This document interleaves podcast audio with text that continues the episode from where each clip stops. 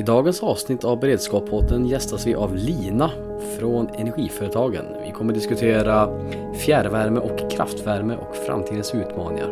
Häng med!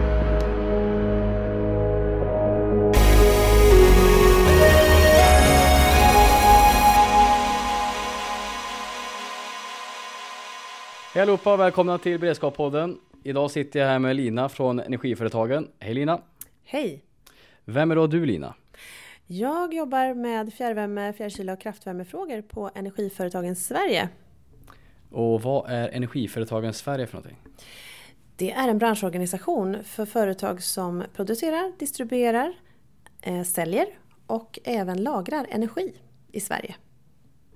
Skulle du kunna berätta kort om energilagring? Dels händer det väldigt mycket på batterifronten. Utveckling av eh, batterier där man kan lagra el. Eh, och det tror vi kommer eh, ske en explosionsartad utveckling här de närmsta åren. Både för eh, batterier för hemmabruk men även i större skala och det är väl där man behöver göra lite krafttag för att kunna faktiskt lagra el i lite större skala.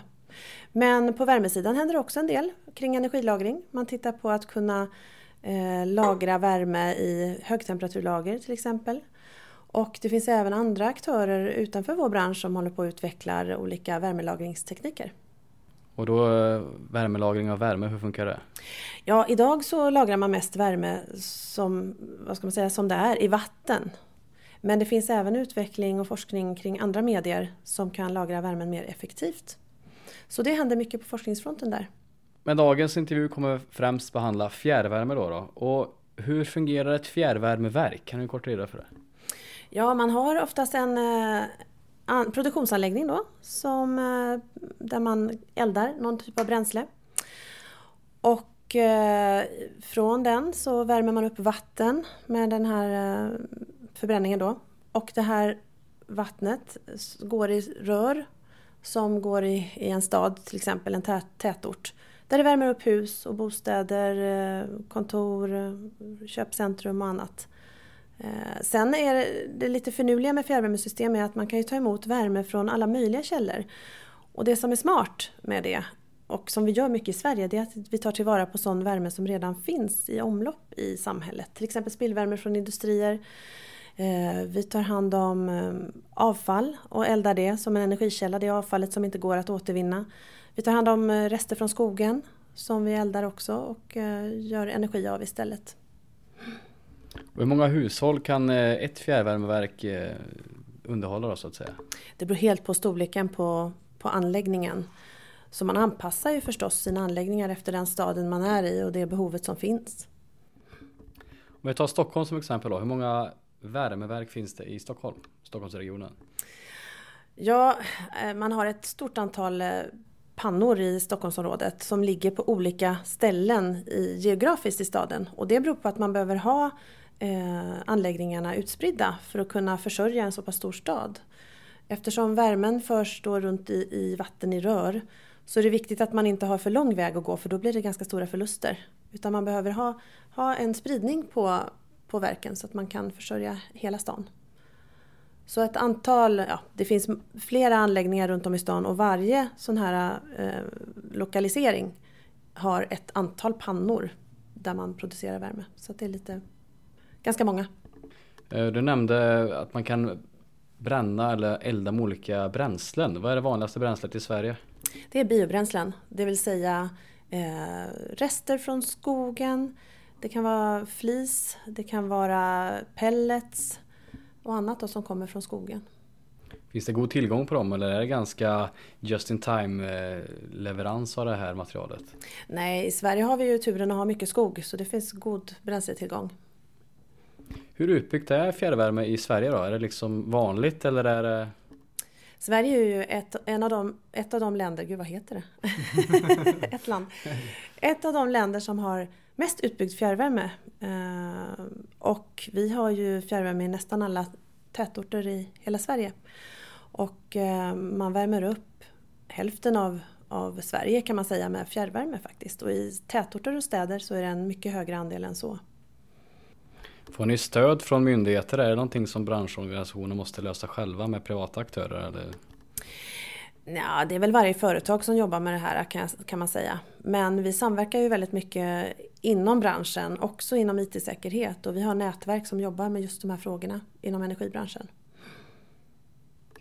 Mm. Jag har hört talas om något som heter kraftverk också. Som, eh, kraftvärmeverk. Kraftvärmeverk, så heter det. Och det är alltså både ett värmeverk som samtidigt producerar el, stämmer det? Ja, det stämmer bra. Och varför är det inte då fler eh, fjärrvärmeverk, kraftvärmeverk? Är inte det det är som liksom två flugor i en smäll där liksom, eller?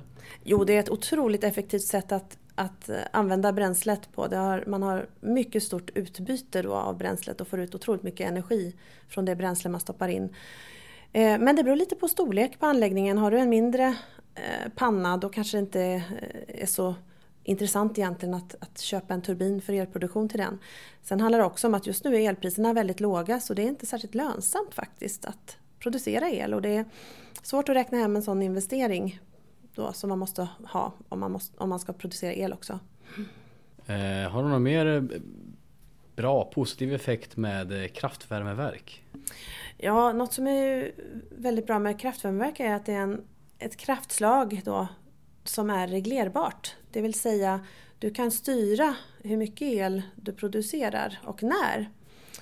Eh, och det här är ju någonting som är väldigt önskvärt i energisystemet när det blir mer kraft som inte är reglerbar, det vill säga från vind och sol. Så att där har kraftvärmen en stor roll att spela, tror vi, i framtiden. Att en större roll än idag. Så vi tror att det vore bra med en mer utbyggd kraftvärme än vad det är idag. Ganska många. Mm. Och hur känsligt är systemet ifall eh, ett fjärrvärmeverk skulle av någon anledning eh, sluta fungera eller eh, få en driftstörning helt enkelt. Kan de andra kompensera upp genom att elda mer eller är det enskilda system? Nej, i ett sånt här stort nät så kan man ofta eh, använda en annan anläggning då som kanske eh, under en tid kan se till att området försörjs. Eh, men det beror på hur nätet ser ut och hur många anläggningar som finns i respektive nät. Men man har ju alltid reservanläggningar för att kunna, eh, då, om en anläggning av någon anläggning skulle falla ifrån, så kan man starta en annan anläggning snabbt som är tänkt att köra bara under den tiden man behöver åtgärda den, den basanläggning som har fallit ifrån. Så det är ganska redundant system ändå? Ja, det är det. Absolut. Och man har även redundans inne i anläggningarna där man har till exempel kritiska delar har, har man två av, säg pumpar eller annat som behövs för produktionen. Det låter ganska bra det här fjärrvärme, men då tänker jag då måste det ändå finnas lite lite känsliga punkter som alla har. Till exempel IT-aspekten. Hur känsliga är ni för störningar i IT-system och liknande som är ganska på tapeten idag? Nej, men det är klart som vilken verksamhet som helst så är man ju inte helt skyddad det, det, från IT-attacker. Det är ju en omöjlighet men man är ju otroligt medveten om att de här hoten finns. Och man jobbar mycket med att försöka kartlägga hur man ligger till och även stärka sina skydd mot cyberattacker. Då. Eh, vidare på fjärrvärmeverk då, eller fjärrvärmesystem. Hur känsligt är man för, stör, hur känslig är man för störningar? Till exempel om det skulle uppstå en, en läcka eller ett stopp. Tar det lång tid innan man kommer igång igen med själva värmeproduktionen? Det brukar gå ganska fort faktiskt. I de allra flesta fall så märker kunderna inte ens av att det har varit ett stopp eller en läcka. Därför att man har ju till sin fördel då att värmen är trög och den lagras i husen och den lagras i fjärrvärmerören. Eh, men det är klart att det uppstår läckor ibland eh, och även produktionsstopp. Men då har man ju sina reservanläggningar som man kan då dra igång snabbt så att ingen märker ens att det har varit ett stopp. Och har ni som branschorganisation, Energiföretagen, har ni någon roll i det här med krisberedskap, civilt försvar? Ja, vår roll är väl att eh, dels diskutera till exempel Energimyndigheten som jobbar en hel del med detta nu och se till att eh, vara tillgängliga för frågor och även uppmuntra branschen att jobba med de här frågorna. Och vad gäller eh, IT-säkerhet till exempel så är vår uppgift att, att se till att hålla i nätverk som jobbar med de här frågorna. För de verkliga experterna de finns ju ute på företagen. De som verkligen vet hur man ska jobba med de här frågorna. Så det är viktigt att vi samverkar i branschen om frågorna. Och det gör vi idag. När det ändå finns så pass många aktörer, ni nämnde 140 stycken företag som jobbar med fjärrvärme. Är det svårt med samverkan och samarbeten däremellan eller är det en god kontakt? Det är en väldigt god kontakt faktiskt mellan olika fjärrvärmeföretag. Man befinner sig ju i olika städer. Man har ingen konkurrens mellan eh, fjärrvärmeföretagen egentligen mer än på vissa orter. Och det gör att man också har en väldigt bra möjlighet att faktiskt samverka inom vissa frågor som är, som är aktuella och intressanta för, för hela branschen så att säga. Mm. Och hur är fjärrvärme i en miljö och klimataspekt? Då? Ja, jag skulle säga att det är en otroligt eh, miljövänlig form av energi eftersom man tar tillvara mycket, på mycket spillvärme och annan spillenergi i samhället. Eh, så att det är otroligt smart, smart system för, för att ta tillvara på det här. Och idag så har man eh, inte alls mycket fossilt i systemet utan bara några få procent och det beror på att man, framför, mycket av det är när man behöver starta spetsanläggningar till exempel. En väldigt kall vinterdag, 20 minusgrader och basanläggningarna inte riktigt klarar av att hålla varmt i alla områden. Då kanske man måste starta en oljepanna som man kan starta snabbt då. Eh, under några timmar. Och då går det åt lite fossilt bränsle. Och spetsanläggningen är alltså en, en anläggning längre ut på, på rören då? Eller? Ja, de kan sitta strategiskt placerade i nätet då för att kunna försörja vissa områden till exempel. Vad står eh, fjärrvärmebranschen inför för utmaningar i framtiden nu då? Oj, jag trodde du skulle fråga om elbranschen. elbranschen? Nej, energibranschen. Energibranschen? Ja, alltså jag tror den gemensamma utmaningen för både el och fjärrvärmeföretag är nog den infrastruktur som man har och som man måste se till att den är i fint skick.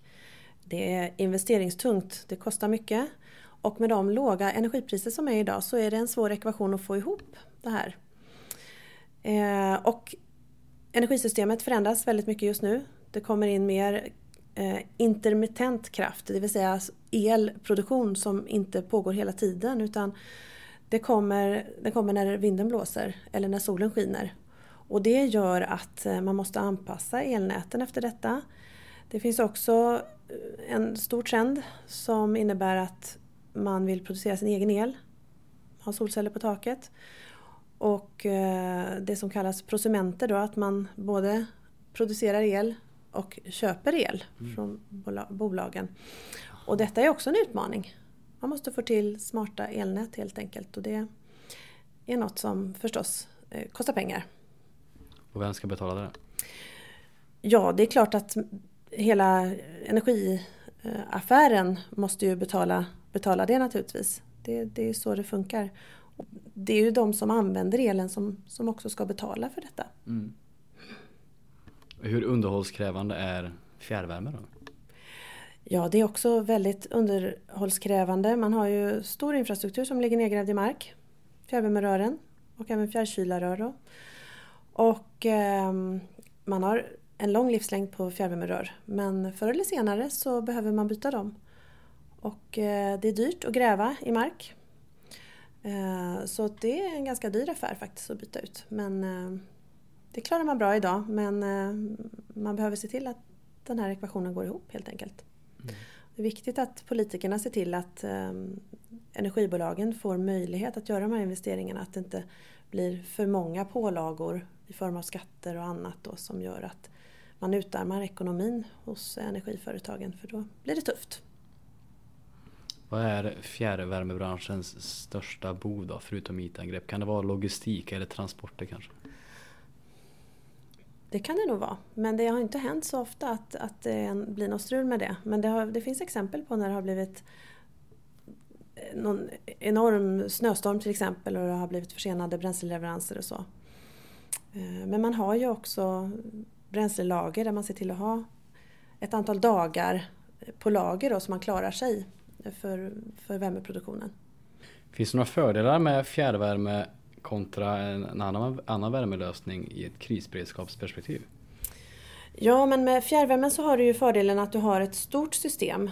Ehm, medan du om du har en värmepump hemma, då är det ju om det händer någonting, säg med eltillförseln eller att värmepumpen kraschar, då har du ju ingen annan att förlita dig på att det ska fungera. Medan du om, som fjärrvärmekund så är det någon annan som ser till att det här fungerar åt dig. Så det är klart att det stora systemet är en fördel där du har redundans med flera värmeproducerande enheter mm. etc. Så jag skulle nog känna mig säkrare som fjärrvärmekund än som, som värmepumpskund. Det låter bra. Mm. Då så, tack Lina för den här intervjun, att du tog dig tid och medverka i Beredskap-podden. Tack så mycket. Det var roligt att vara med. Ja, du skötte jättebra. Värmlänning, värmländska.